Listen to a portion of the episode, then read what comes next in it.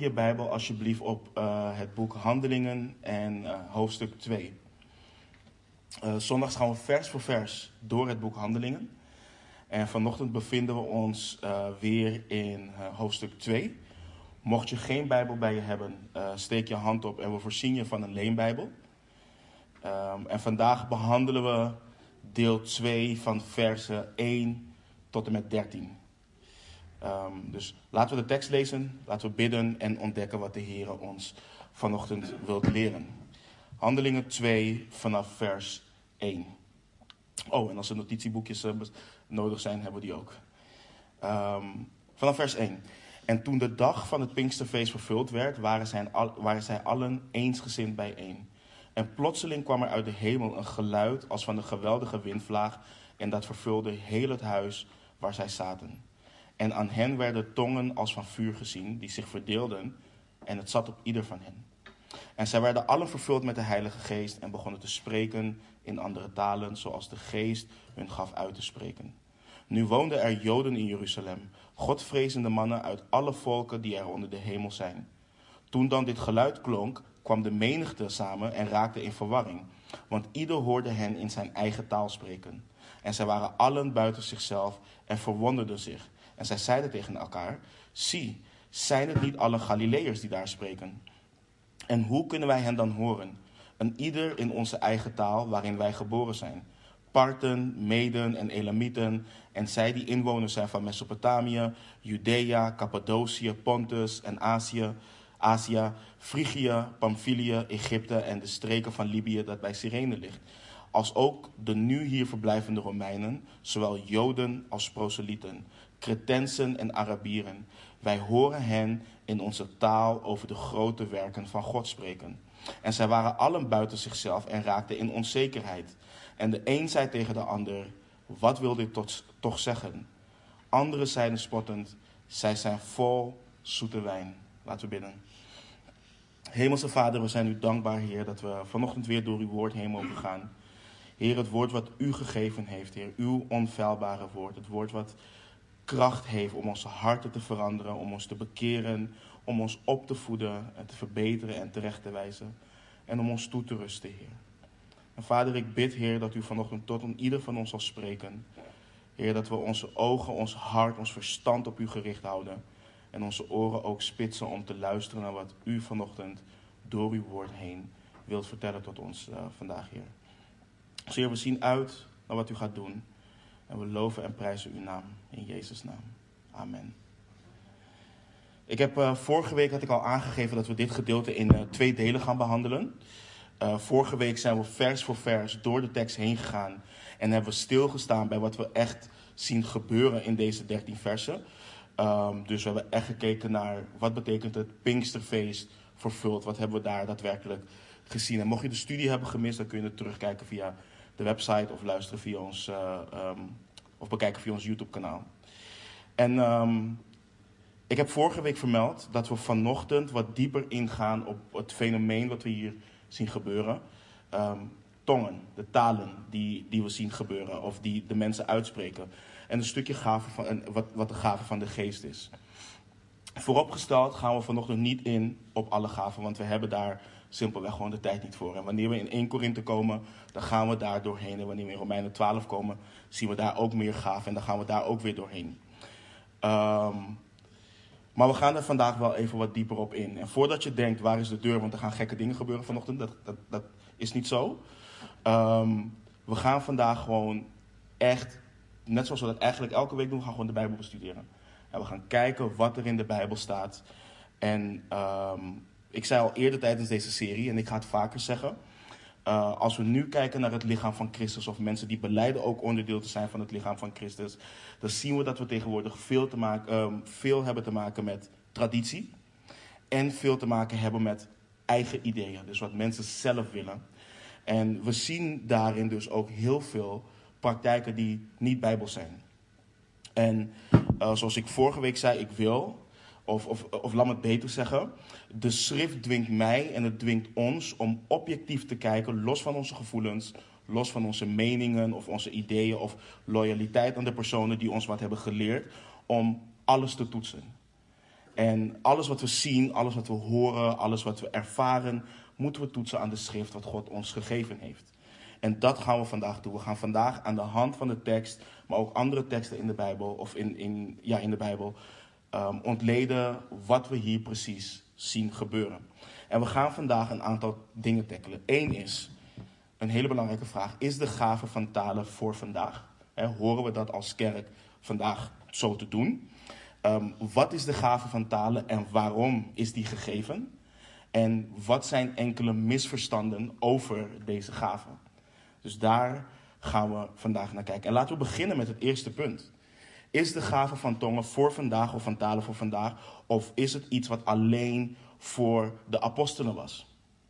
En weet je, kijk, laten we beginnen met. Ik, ik, ik heb de Bijbel van kaf tot kaf gelezen. Um, ik heb de teksten over de gave van de geest en de teksten eromheen ook heel veel gelezen en bestudeerd.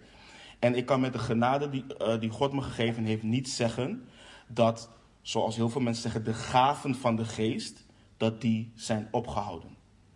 Zelfs de tekst uh, die het meest aangehaald wordt uh, om aan te tonen dat de gaven zijn opgehouden, um, leer dit niet als je er eerlijk en objectief naar kijkt.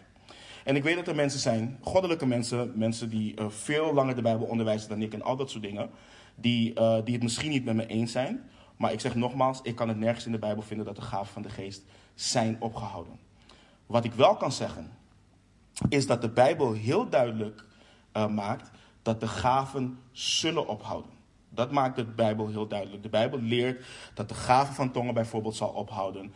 En als je, naar je, als je in je Bijbel naar 1 Korinthe 13 gaat, vanaf vers 8, of in vers 8 lezen we het volgende. Waar Paulus schrijft onder leiding van de Heilige Geest: De liefde vergaat nooit. Wat dan profetieën betreft, zij zullen er niet gedaan worden. Wat talen betreft, zij zullen ophouden. Wat kennis betreft, zij zal niet gedaan worden. Dus we leren hier heel duidelijk: um, profetieën zullen er niet gedaan worden. Talen, oftewel wat we ook kennen als tongen, zullen ophouden. Kennis, zij zal er niet gedaan worden. Dus we kunnen niet ontkennen dat deze dingen zullen ophouden. Maar waarom is er dan zoveel discussie hierover? Um, over het feit dat het nu al is opgehouden. En ik gaf net ook aan, er is een vers in 1 Korinthe 13 wat veelal als argument wordt gebruikt om aan te tonen dat de gaven Um, en laat me dat nog even uh, verduidelijken. De wonderbaarlijke gaven. Sommige mensen maken een onderscheid in de wonderbaarlijke gaven en de gaven van dienstbaarheid. Denk dan bijvoorbeeld aan onderwijs, aan kennis, aan bemoediging en noem maar op. Dus je hebt een groep en die gelooft dat alle gaven nog, nog actief zijn. En dat we ze ook in dezelfde mate moeten en horen te zien, zoals we dat in handelingen zien. En de grootste groep die dit gelooft op deze manier, die komt uit de Pinksterbeweging ofwel de charismatische beweging. En je hebt een groep die zegt: nee, de gaven zijn opgehouden en ze waren specifiek voor de apostelen of in de tijd van de apostelen. En het vers wat de laatste groep uh, uh, aanhaalt om dat aan te tonen, uh, dat de gaven zijn opgehouden, is 1 Korinthe 13, vers 10. Maar wat we gaan doen is, we lezen hem vanaf vers 8 tot en met 12. En er staat er, de liefde vergaat nooit. Wat dan profetieën betreft, zij zullen niet gedaan worden. Wat talen betreft, zij zullen ophouden. Wat kennis betreft, zij zal niet gedaan worden. Want wij kennen ten dele en wij profiteren ten dele. Maar wanneer het volmaakte zal gekomen zijn, zal wat ten dele is, niet gedaan worden. Toen ik een kind was, sprak ik als een kind, dacht ik als een kind, overlegde ik als een kind. Maar nu ik een man geworden ben, heb ik het kinderlijke niet gedaan. Nu immers kijken wij door middel van een spiegel in een raadsel maar dan zullen wij zien van aangezicht tot aangezicht. Nu ken ik ten dele, maar dan zal ik kennen zoals ik zelf gekend ben. Dus dit gedeelte wordt aangehaald om aan te tonen dat de tekenen, de wonderbaarlijke gaven zijn opgehouden. En nogmaals, de, de, tekst leert dat het zal uh, ophouden, maar de vraag is dan wanneer. En de tekst zegt het, wanneer het volmaakte gekomen, uh, wanneer het gekomen is. Maar wat, wat, we, um, wat dan rest is, wat is het volmaakte? Dat is, dat is de vraag die we onszelf moeten af, afvragen. En de, groep die gelooft dat de gaven um, zijn opgehouden, die zullen zeggen dat de Bijbel het volmaakte is. Dat zeggen ze heel vaak. Dus toen de Bijbel volledig geschreven werd, toen de Bijbel volledig werd samengesteld, was het volmaakte gekomen. Want we hebben nu de volledige openbaring van God, dus de gaven die zijn niet meer nodig. En het klinkt bijna logisch en het klinkt bijna plausibel. Want we geloven dat het woord van God onfeilbaar is. We geloven dat, dat de Bijbel zonder fouten is in zijn oorspronkelijke manuscripten. Maar dit argument, het brengt een aantal uitdagingen met zich mee. Als eerste, de tekst leert niet dat dit over de Bijbel gaat. Uh, want Paulus wist niet eens dat hij bezig was met het schrijven van de Bijbel. Hij, had, hij wist dat niet. Hij wist niet dat hij bezig was met het schrijven van, het grote, uh, van, het, uh, van een groot deel van het Nieuwe Testament. En het zeggen dat het volmaakte gaat over de Bijbel is een toevoeging van hen die willen geloven dat de gaven zijn opgehouden. Um, maar we moeten goed kijken naar wat Paulus doet in de tekst. En Paulus, wat hij doet, is hij omschrijft het leven voordat het volmaakte is gekomen. En hij omschrijft het leven nadat het volmaakte is gekomen. Dus let goed op wat hij doet in versen 11 en 12. Hij zegt, toen ik een kind was, sprak ik als een kind, dacht ik als een kind, overlegde ik als een kind. Maar nu ik een man geworden ben, heb ik het kinderlijke niet gedaan. En dan zegt hij, nu immers kijken wij door middel van een spiegel in een raadsel. Maar dan zullen wij zien van aangezicht tot aangezicht. Nu ken ik ten dele, maar dan zal ik kennen zoals ik zelf gekend ben. En de vraag die we onszelf nu moeten stellen, in alle oprechtheid, met de Bijbel die we voor ons hebben, als de Bijbel het volmaakte is, kennen wij volledig? Dat is een vraag die we ons moeten, uh, zelf moeten stellen. Kennen we zoals we zelf gekend zijn? En het antwoord is nee, we kennen niet volledig. We kennen nog steeds ten dele. En, en, en let goed op wat Paulus doet. Doordat Paulus schrijft, zullen wij zien van aangezicht tot aangezicht. Impliceert hij hier dat het gaat over een persoon. Het laat duidelijk zien dat Paulus het hier niet heeft over een boek. En Paulus schrijft dan ook, wanneer het volmaakte is gekomen, zal hij kennen zoals hij gekend is.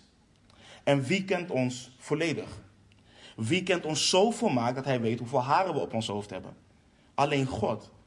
Dus ik kan niets anders opmaken dan dat de tekst, uh, de tekst hier leert dat wanneer we Christus van aangezicht tot aangezicht zullen zien, de gaven zullen ophouden. Het is niet nodig om te profiteren wanneer we voor Christus staan. Het is niet nodig om te spreken in talen wanneer we voor Christus staan en wanneer we in zijn volledige heerlijkheid en glorie zijn. En dan heb je ook, en dat is ook heel belangrijk om te uh, vermelden, dan heb je ook het argument dat de gaven alleen voor de apostelen waren. Maar Paulus als apostel haalt dit zelf onderuit in, in, in zijn brief 1 Korinthe. In hoofdstukken 12 tot en met 14 kunnen we opmaken dat onze broeders en zusters binnen die gemeente, uh, dat, ze, dat er mensen waren met de gave van profetie, dat er mensen waren met de gave van uh, talen en noem maar op. En daarnaast lezen we in Handelingen 6 vers 8 ook het volgende. En Stefanus, vol geloof en kracht, deed wonderen en grote tekenen onder het volk. En we weten dat Stefanus geen apostel was. Hij was e-, een van de eerste zeven diakenen van de kerk. Dus het argument dat de gaven alleen waren voor de apostelen of zijn gestopt aan het einde van het apostolische tijdperk, dat kun je bijbels niet hard maken. Maar, ik wil wel nog ergens dieper op ingaan. De vraag, is de gave van tongen voor vandaag? Kijk, dat is uiteindelijk niet de hamvraag. En dat is naar mijn idee ook niet het probleem. Want nogmaals, ik kan vanuit de, Bijbel, in, uh, vanuit de tekst in de Bijbel niet zeggen dat talen zijn opgehouden. Ze zullen ophouden, maar ik kan niet zeggen dat ze zijn opgehouden. Maar ik wil wel nog een duidelijk onderscheid maken wat betreft wat we lezen over het teniet gedaan worden van kennis en, en profetie en het ophouden van talen. Ik ga even terug. Hier. Um, wat we zojuist hebben gelezen in 1 Korinthe 13 brengt een belangrijk onderscheid met zich mee. Want het woord ophouden, wat Paulus gebruikt in het Grieks, is een ander woord dan het woord teniet gedaan, wat hij gebruikt in het Grieks. Het woord ophouden impliceert in het Grieks dat iets vanzelf zal ophouden. Dus het impliceert ook dat talen zullen ophouden zonder, um, zonder dat iets het doet ophouden. Dat het vanzelf zal stoppen.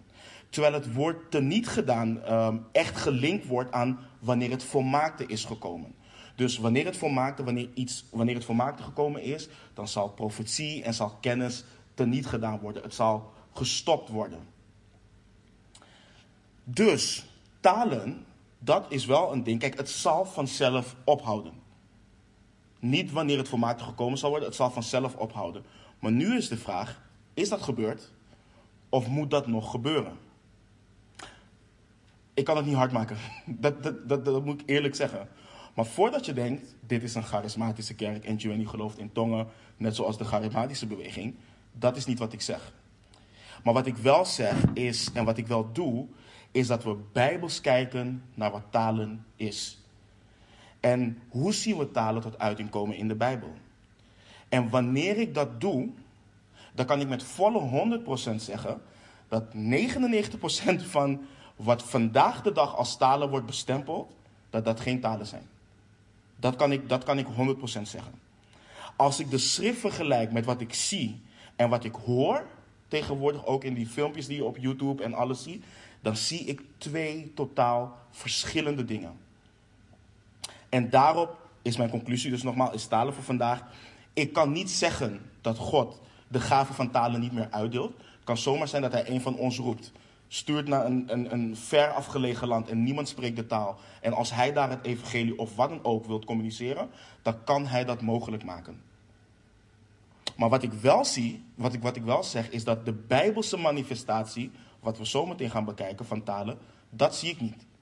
Ik zie dat niet om mij heen. Ik zie dat niet in de filmpjes. Ik zie dat niet in de mensen binnen de charismatische kerk. Ik zie dat niet gebeuren in wat we hier uh, in de Bijbel zien. En laten we kijken naar de manifestatie van talen die we tegenkomen in de Bijbel. Als eerste onze tekst van vanochtend. We beginnen weer vanaf vers 4 in Handelingen 2. En zij werden alle vervuld met de Heilige Geest en begonnen te spreken in andere talen, zoals de Geest hun gaf uit te spreken. Nu woonden er Joden in Jeruzalem, godvrezende mannen uit alle volken die er onder de hemel zijn. Toen dan dit geluid klonk, kwam de menigte samen en raakte in verwarring, want ieder hoorde hen in zijn eigen taal spreken. En zij waren allen buiten zichzelf en verwonderden zich. En zij zeiden tegen elkaar: Zie, zijn het niet allen Galileërs die daar spreken? En hoe kunnen wij hen dan horen, een ieder in onze eigen taal waarin wij geboren zijn? Parten, Meden en Elamieten en zij die inwoners zijn van Mesopotamia, um, Judea, Cappadocië, Pontus en Azië, Frigië, Pamphylia, Egypte en de streken van Libië dat bij Cyrene ligt. Als ook de nu hier verblijvende Romeinen, zowel Joden als proselyten, Cretensen en Arabieren, wij horen hen in onze eigen, in onze taal over de grote werken van God spreken. Kijk naar vers 4. Ze begonnen te spreken in andere talen, zoals de geest hun gaf uit te spreken. En dit leert ons iets heel belangrijks. Dit is geen kwestie van intellect. Dit is geen kwestie van vaardigheid. Dit is iets bovennatuurlijks wat hier plaatsvindt. En waarom is het bovennatuurlijks? Omdat we lezen, het is de geest die het hun uitgaf, of die het hun uitgaf om te spreken, of gaf om uit te spreken. Ze spraken in talen die ze nooit eerder hadden geleerd. Talen die ze niet vaardig waren. En waarom kunnen we dat zeggen? Denk aan wat we vorige week hebben behandeld. Deze mannen die waren verbaasd, omdat het Galileërs waren die spraken. En we hebben vorige week stilgestaan bij het feit dat Galileërs niet bekend stonden om hun intellect. Ze brachten goede vis, uh, vissers voor, goede timmermannen voor, maar het waren geen mensen die geleerd waren. Ze waren niet eens hun eigen taal heel goed machtig. Ze werden belachelijk gemaakt omdat ze zelf met een, een bepaald accent spraken en ook moeilijk te verstaan waren. Dus um, je kunt nagaan wat voor bovennatuurlijk werk we hier op dit moment zien en lezen. En, en let op wat de menigte zelf vraagt in, in vers 8. Hoe kunnen wij hen dan horen, een ieder in onze eigen taal waarin wij geboren zijn? En dit brengt ook een ander ding met zich mee, want heel veel mensen zeggen, op dat moment, zeggen over dit, dat op dat moment zowel de gave van talen om uit te spreken werd gegeven en ook de gave van interpretatie. Maar we kunnen dat niet zeggen omdat ze pas later tot geloof komen. Dus ze hebben nog geen gave van de geest. Ze hebben de Heilige Geest nog niet ontvangen. Dit gaat daadwerkelijk om het feit dat zij spreken in talen en de menigte het hoort in hun eigen taal. Dus dat is een bovennatuurlijk werk van God. Dus als je een definitie aan talen moet geven, dan zou ik zeggen, de gave van talen is de mogelijkheid gegeven door God om een taal te spreken die de spreker niet kent en nooit heeft geleerd. Dat is wat we hier in de Bijbel zien. Dus de dingen die we horen, die halakalakala en shabalabala, al die dingen, dat is niet wat we zien in het woord. Dat is niet wat we zien. Dat is niet de Bijbelse manifestatie van talen. Het is niet van de geest, het is het werk van het vlees. En als het het werk van de geest is, is het niet, zoals we hier zien, is het niet de geest van God. En let ook op wat er elke keer gebeurde. En dit is ook heel belangrijk om, om, om te zien. Bij de Bijbelse manifestatie van deze gave. Kijk naar het laatste gedeelte van vers 11. Wij horen hen in onze taal over de grote werken van God spreken. En als je nu in handeling, naar handelingen 10 gaat, dan lezen we vanaf vers 44 het volgende. Petrus is hier bij Cornelius, een, een heidense man uit Caesarea. De tekst leert ons dat hij een godvrezende man was. En een engel had tegen hem gezegd in een visioen uh, dat hij Petrus moest laten halen. En hij stuurde een aantal mannen en Petrus was de volgende dag met die mannen meegegaan en begon te vertellen over de Heer Jezus Christus aan Cornelius, aan zijn familieleden en aan zijn beste vrienden. En dan lezen we vanaf vers 44 Terwijl Petrus deze woorden nog sprak, viel de Heilige Geest op allen die het woord hoorden. En de gelovigen die van de besnijdenis waren, dus de Joden, zoveel als er met Petrus waren meegekomen, waren buiten zichzelf dat de gave van de Geest, van de Heilige Geest, ook op de heidenen uitgestort werd. Want zij hoorden hen spreken in vreemde talen. En wat zien we? En God groot maken. Toen antwoordde Petrus: Kan iemand soms het water weren, zodat deze mensen, die evenals, evenals wij de Heilige Geest ontvangen hebben, niet gedoopt zouden worden? En nu een volgend stukje. Als je in je Bijbel naar eh, Handelingen 19 gaat. Paulus is daar in Efeze. Hij komt enkele discipelen tegen. Hij vraagt ze of ze de Heilige Geest hebben ontvangen. En dat blijkt dat ze niet eens wisten dat er een Heilige Geest was. En uiteindelijk komt Paulus erachter dat ze alleen gedoopt zijn met de doop van Johannes, een doop van bekering. En Paulus doopt hen vervolgens in de naam van de Heer. En vanaf vers 6 lezen we: En nadat Paulus hun de handen opgelegd had, kwam de Heilige Geest op hen. En, zij spraken in vreemde talen en profeteerden. En ik denk dat het ook belangrijk is om te vermelden dat profeteren, profetie, niet alleen het voorzeggen van toekomstige dingen is. Uh, of gebeurtenissen. Profetie is ook het voortvertellen van wat de Heer heeft gezegd of wat hij wil zeggen. Dus stel de Heer legt een boodschap op je hart uh, voor een broeder of een zuster of voor de gemeente. Uh, om te volharden, om standvastig te blijven of, of, of wat dan ook. En je weet niets van die situatie van die broeder of, of zuster. Um, um, en, en, en, je brengt dat naar de Heer, want de Heer legt dat op je hart om dat te doen. Dat is ook een vorm van profetie. Het doorgeven van het woord van God. Maar wat we dus zien in deze teksten, is we zien deze mensen continu vertellen over de werken van God. We zien ze profeteren en vertellen over de grote en machtige werken van God. Hem groot maken. En waarom is dit belangrijk? Omdat wat we vandaag zien binnen de charismatische beweging, is dat geestelijke gaven, en vooral die van talen, worden gebruikt ter zelfverheerlijking. Dat is wat we heel vaak zien gebeuren. Het wordt gebruikt door de mens om hunzelf op te bouwen binnen de gemeente um, en niet om God groot te maken. Niet om Hem te verheerlijken. Het wordt zelfs gebruikt om hun eigen geestelijke volwassenheid te laten zien. Oh, jij spreekt niet in talen, dus je bent niet wedergeboren of je hebt niet genoeg geloof of wat dan ook.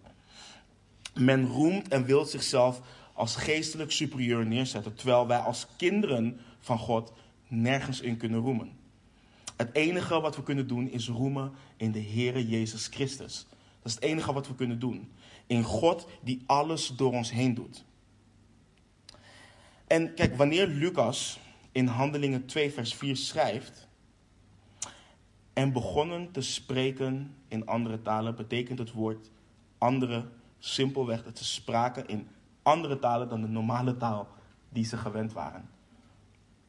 En nu hoor je mensen ook zeggen. Um, maar hoe zit het dan met wat Paulus schrijft in 1 Korinthe 12 tot en met 14?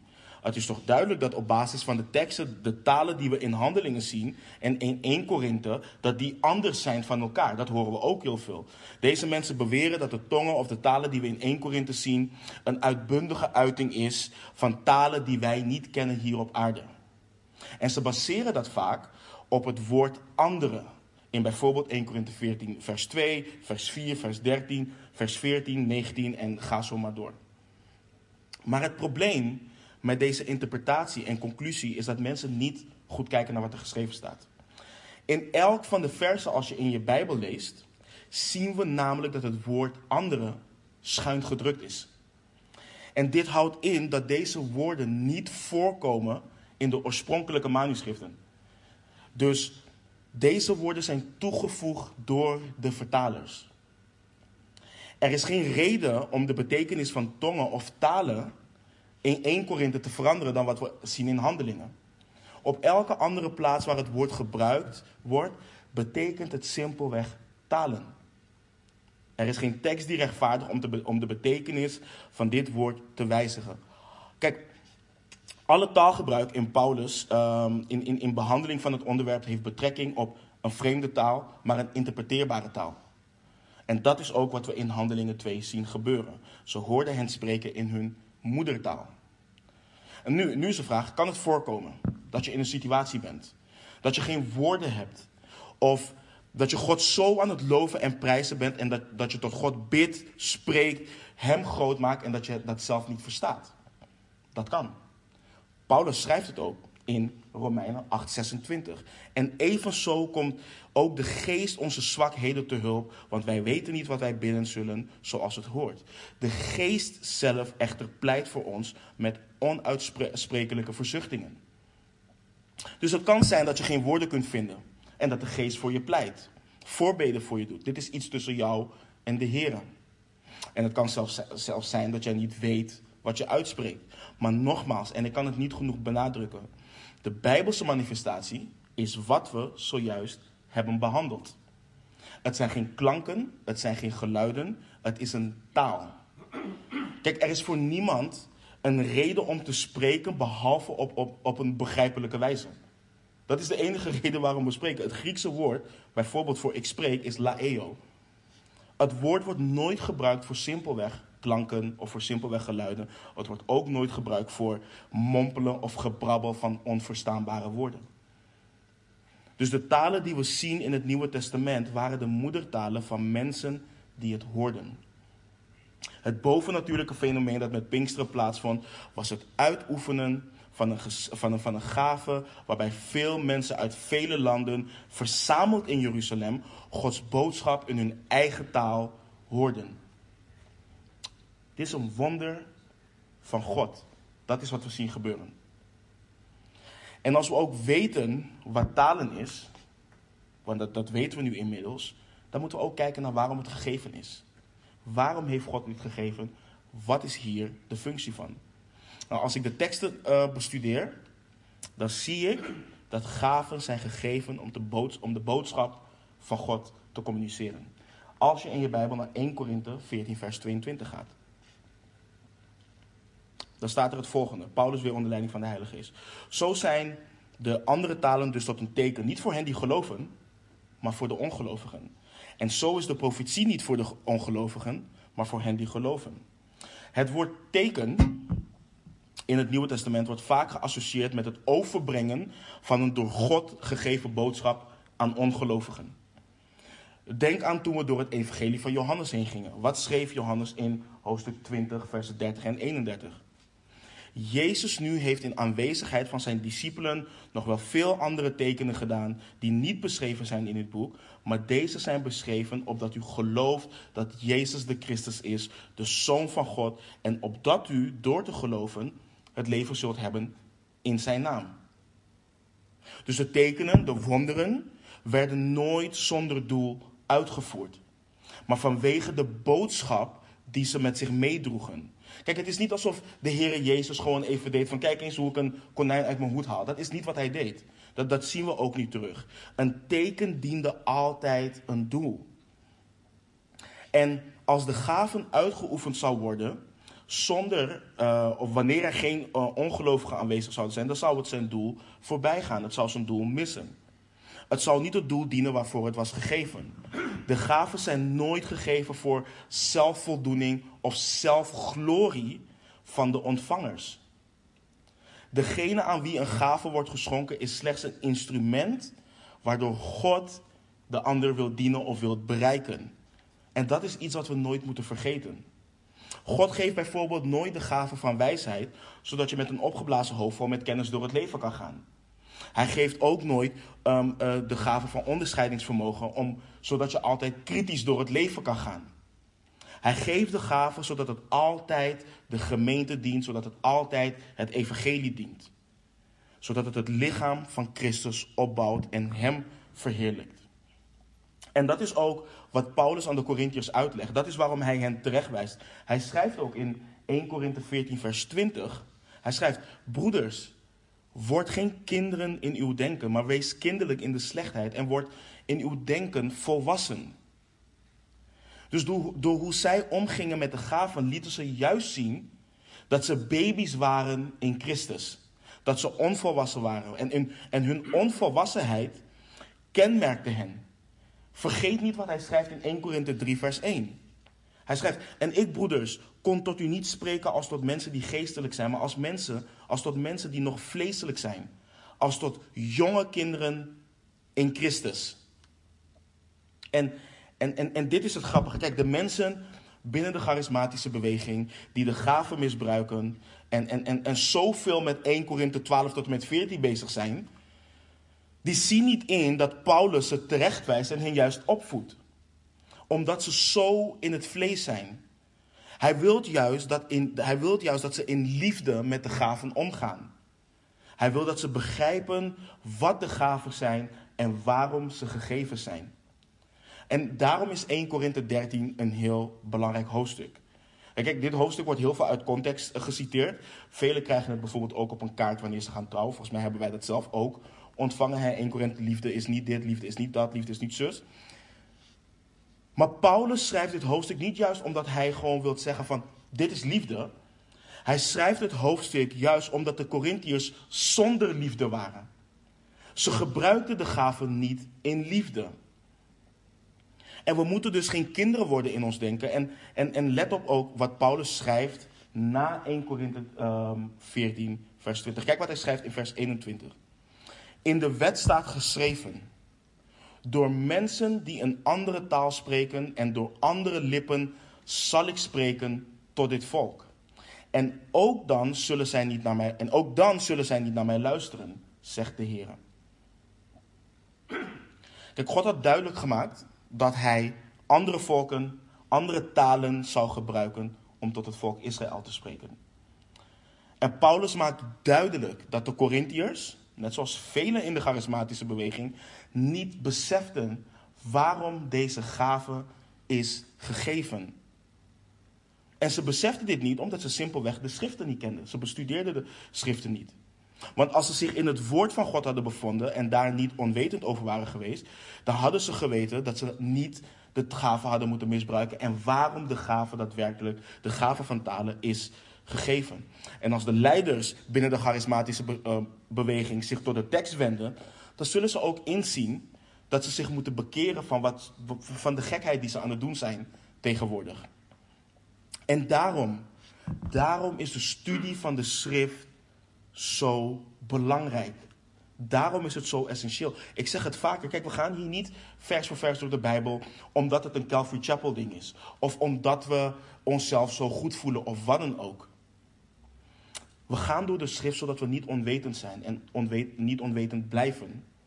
In veel kerken hoor je vandaag de dag een motivatiepreek motivatiespreek uh, preek waarin de spreker enkele Bijbelversen citeert, maar de hoorder onwetend blijft over de diepte en de rijkdom van Gods woord.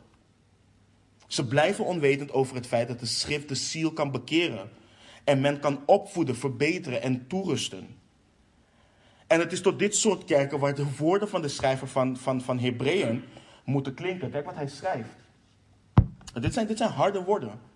Want hoewel u, gelet op de tijd, leraar zou moeten zijn. Hij zegt, jullie moeten volwassen zijn. Jullie horen zelf de schrift te kunnen onderwijzen. Hebt u het weer nodig?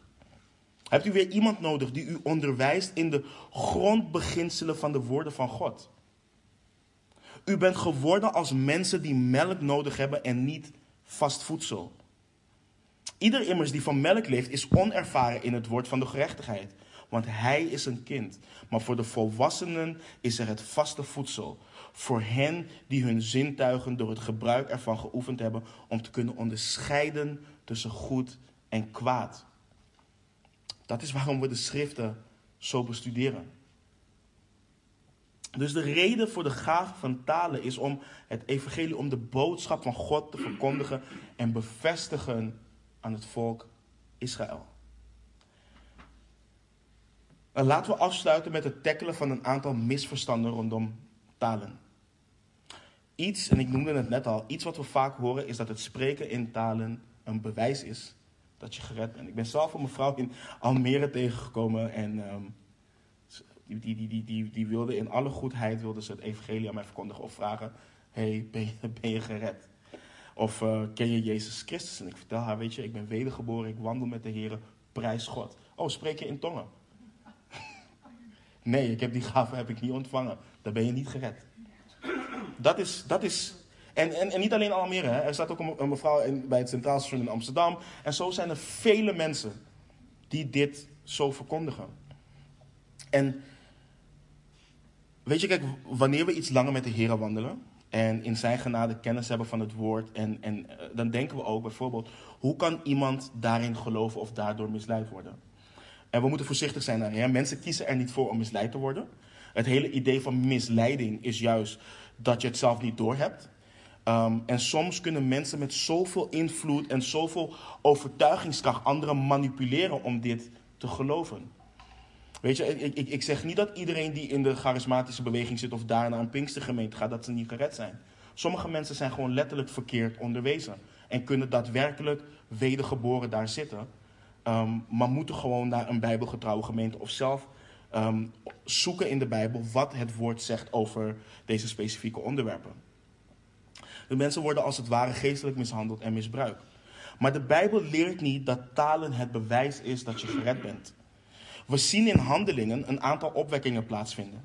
Maar het is niet overal waar de Heilige Geest wordt gegeven dat mensen in talen spreken. Later, als we ook, wanneer de 3000 tot geloof gaan komen, dan zien we dat ze de Heilige Geest ontvangen, maar we zien niet dat ze in talen spreken. In Handelingen 8, wanneer de Samaritanen tot geloof komen en de Heilige Geest ontvangen door handenoplegging, staat er ook niet dat zij in talen spreken. En talen is dus niet het bewijs dat je opnieuw geboren bent. Paulus schrijft ook, niet alles spreken in talen schrijft hij aan de Corinthiërs. Maar hij, hij heeft het wel over zijn broeders en zijn zusters. Wat we terugzien in de Bijbel is dat mensen die dood in hun overtredingen waren, levend gemaakt worden door God. En deze mensen die een afkeer hadden van God of die, die God haten, deze mensen worden tot, door de wedergeboorte nieuwe scheppingen. Scheppingen met het verlangen God te behagen. Nieuwe scheppingen in Christus die gaan leven voor Zijn glorie en voor Zijn verheerlijking. Die gevuld worden met de onvoorwaardelijke liefde voor God, hun broeders en hun zusters. En een immens verlangen krijgen om verlorenen gered te zien worden. Ze worden compleet nieuwe mensen. Het zijn mensen die groeien in wat we lezen in Galaten 5:22. Mensen die groeien in vrucht van de geest, in liefde, in blijdschap, vrede, geduld, vriendelijkheid, goedheid, geloof, zachtmoedigheid, zelfbeheersing. Dat is waar ze in groeien. Het is, het is niet de gave van talen wat getuigt dat wij kinderen van God zijn. Het is de geest van God die met onze geest getuigt dat wij kinderen van God zijn.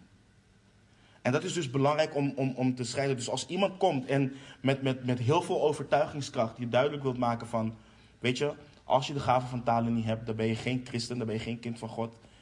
Dat is niet wat de, tekst, dat is niet wat de Bijbel leert. En je kunt ze daarin ook weer leggen.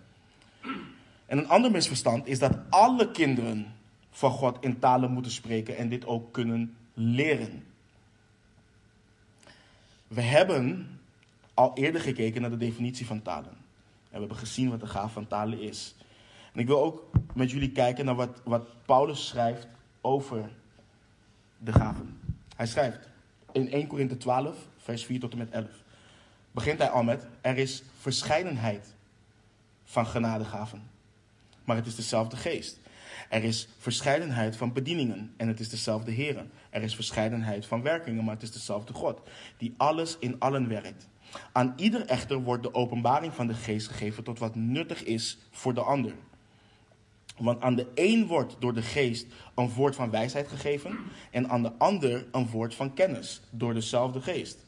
En aan een ander geloof door dezelfde geest. En aan een andere en aan een ander genadegaven van genezing door dezelfde, uh, genezingen door dezelfde geest. En aan een ander werkingen van krachten. En aan een ander profetie. En aan een ander het onderscheiden van geesten. En aan een ander allerlei talen.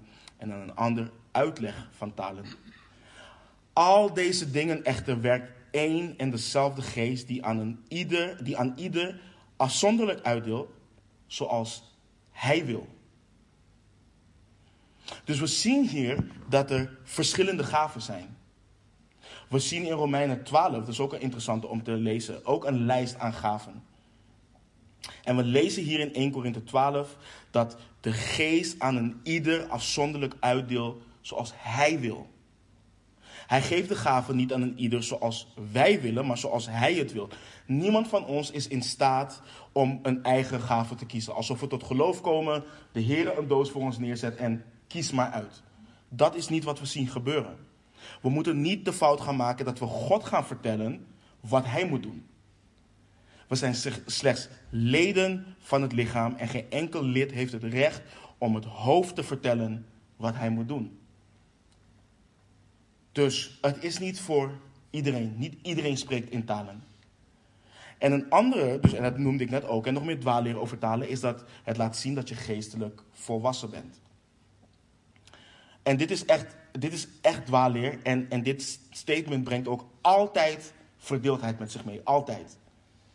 Want, en, en, en dat terwijl de Bijbel leert dat de gaven juist ter opbouw en bemoediging van elkaar worden gegeven. En dus het is nooit de bedoeling geweest dat de gaven gebruikt zouden worden om verdeeldheid binnen het lichaam van Christus te brengen. Paulus stekkelt het hele idee dat de gaven tekenen van geestelijke volwassenheid zijn door in 1 Korinthe 12 vers 1 het volgende te schrijven. Wat nu de geestelijke gaven betreft, broeders, wil ik niet dat u onwetend bent. De Corinthiërs waren onwetend. Ze waren vleeselijk. Ze wandelden in de gaven van de geest, maar ze waren zo vleeselijk en onwetend als het maar kan. En als je de brief aan de Corinthiërs leest, dan lees je hoe Paulus verdeeldheid tackelt in die brief.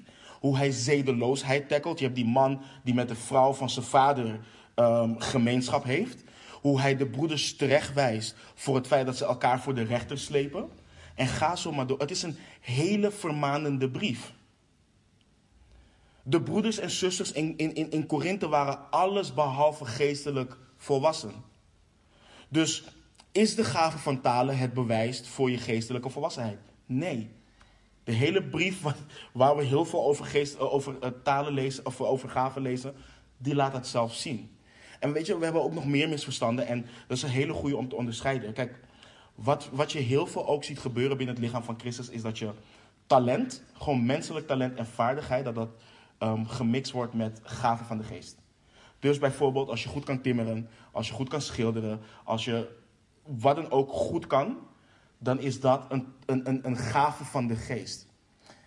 We moeten die twee dingen niet door elkaar halen. Als je bijvoorbeeld goed bent in het timmeren, betekent het niet dat God je een timmerman heeft gemaakt. Dat is niet wat de Bijbel leert. God kan je, ga, of je talent kan hij gebruiken om zichzelf te verheerlijken. Hij kan het gebruiken om een ander te dienen. Maar de gaven die we lezen, dat zien we in de Bijbel. Dat zijn geestelijke dingen die we zien om elkaar op die manier te dienen. Dus we moeten nooit vaardigheid, talent gaan verwarren met de, met de geestelijke gaven die we van de Here krijgen. Nu wil ik afsluiten met het volgende. Je kunt je, vragen, je kunt je afvragen en weer ademhalen. Waar was deze technische studie en ouderwetse Bijbelstudie goed voor? Juist om de onwetendheid die we in de schrift uh, tegenkomen en die we om ons heen zien, om dat te tackelen. Je ziet heel veel Laten we teruggaan naar wat we in handelingen zien. Uh, zien. Teruggaan naar wat, we, naar, naar wat de eerste kerk deed. Want die kerk was perfect. Nou, in Korinthe, we zien verre van perfect. We zien later zelfs, nog niet veel hoofdstukken hierna, na de geboorte van de kerk, ontstaat er al verdeeldheid in de kerk. Um, omdat het eten niet eerlijk uitgedeeld wordt. Daardoor worden de zeven diakenen aangesteld. Dus de eerste kerk was verre, verre, verre van perfect. En we moeten um, um, de, de onwetendheid die we in de schrift tegenkomen, die moeten we tackelen. We moeten weten wat de schrift zegt. En je gaat mensen tegenkomen die zeggen tegen je dat je weinig geloof hebt. Of dat je geen geloof hebt. Of dat je, of, of dat je niet wedergeboren bent. En in plaats van met die mensen in een verhitte discussie te raken, want vaak gaat het die kant op, want je wilt jezelf verdedigen, kun je door uiteenzetting van de schrift juist met hen in gesprek gaan en hen leiden naar het ware evangelie van Christus. Hen leiden naar de genade van Christus. Je kunt ze wijzen op het feit dat we uit genade gered zijn en dat we nergens in kunnen roemen. In geen enkele gave. We moeten niet de fout maken dat we onze ervaringen en wil gaan plaatsen boven de schrift. Maar we moeten ook niet de fout maken dat we door onze ervaringen de God van de Bijbel gaan beperken tot enkele teksten in de schrift. Die fout moeten we ook niet maken. Je hebt dus een groep die zo ver gaat in het um, terechtwijzen van de charismatische beweging, dat zij daardoor zelf terechtgewezen moeten worden op de, door, um, op de manier hoe zij terechtwijzen. Weet je, dus we moeten heel voorzichtig daarmee omgaan. We dienen een bovennatuurlijke God. Dat, dat, dat moeten we heel goed beseffen. We dienen een bovennatuurlijke God. Een, een, een God die bovennatuurlijk werk doet in de wereld. En ik zeg hier niet mee dat we nu met z'n allen op zoek moeten gaan naar de gave van talen. Want nogmaals, de geest deelt de gave uit zoals hij het wil. Uh, wat we horen te doen, is onszelf beschikbaar stellen als bruikbare instrumenten in de handen van een bovennatuurlijk God. Dat Hij ons gebruikt op een bovennatuurlijke manier zoals Hij dat wil.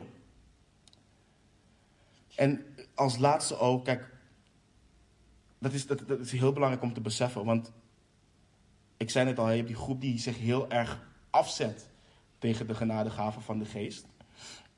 En Weet je, wij mensen, wij kunnen van nature kunnen niet omgaan met het feit dat we controle verliezen. En wanneer een bovennatuurlijk God aan het werk gaat, dan hebben we daar gewoon geen controle over. Hetzelfde als wanneer we het evangelie delen. Heel vaak raken we gefrustreerd omdat die persoon het evangelie niet wil aannemen. Ik heb toch alles gezegd. Ik heb perfect uiteengezet wat het evangelie van Christus is. Hoe kun je het niet geloven? Maar het is een werk van de geest die in het leven van een, van een, van een persoon komt die dood is in zijn overtredingen, die persoon tot leven brengt. Wij doen dat niet. Het is de geest die dat, die dat doet. Dus wanneer iemand tot je komt, wanneer iemand naar je toe komt en zegt: ik heb een woord van de Heer voor je. We moeten het toetsen. We moeten alles toetsen wat we horen. Alles. Maar we hoeven niet um, krampachtig te doen en zeggen van... Nee, nee, nee, nee, dit is, dit is dwaalleer. Nee, nee, nee, dit is niet van de geest. We moeten toetsen wat we horen. En als de schrift bevestigt dat dit iets is van God, dan kunnen we het in alle rust en in alle liefde kunnen we dat aannemen. En wanneer we verder door, het, um, door, door handelingen heen gaan, dan gaan we ook zien, weet je, dat we wel echt mogen, meer mogen gaan verlangen, als gemeente ook. Niet op een rare manier of wat dan ook, maar we mogen gaan verlangen naar het werk van de geest in in en door ons heen. Als individuen, maar ook als gemeente samen. Want dat is wat we zien in handelingen. Dat ze vertrouwen op de leiding van de Heilige Geest. En Hij werkt daardoorheen. Amen. Laten we bidden. Heere God, we zijn u dankbaar voor uw genade. We zijn u dankbaar voor alles wat u doet, Heer. We zijn u dankbaar voor het feit dat u een bovennatuurlijk God bent, Heer. En dat wij ondergeschikt zijn aan u. En Heer, er is zoveel dwaalleer, er is zoveel verwarring en noem maar op. En we weten dat u geen God van wanorde bent. Ik bid, Heer, in de genade die u me hebt gegeven, Heer, dat het een en ander duidelijk is geworden. Ik weet dat we slechts de oppervlakte hebben geraakt en dat er zoveel meer is. En dat we zoveel dieper kunnen ingaan op wat we allemaal zien in uw woord, Heer. Maar ik bid dat we rust vinden in het feit dat u de gave uitdeelt zoals u het wil. Dat, dat u nog steeds actief bent. En dat we afhankelijk van u moeten zijn in het werk wat u in en door ons als individuen en als gemeente wilt doen, Heer. En Heer, u heeft en ieder van ons heeft u gaven gegeven. En ik bid ook dat we die gaven mogen gebruiken um, onder uw leiding en onder uw kracht. Ter opbouw van uw lichaam, ter opbouw van elkaar. Dat we altijd bezig zullen zijn met de verheerlijking van onze Heer Jezus Christus. Dat onze ogen altijd daarop gericht zijn, Heer. Niet op het verheerlijken van onszelf, maar op het doen wat uw wil is, Heer. Zoals we ook, zoals de Heer Jezus de discipelen heeft leren bidden, dat uw wil mag geschieden. Dat is ons verlangen in ons leven. En we loven en prijzen uw naam, Heer. En uh, bidden al deze dingen in de machtige naam van de Heer Jezus Christus. Amen.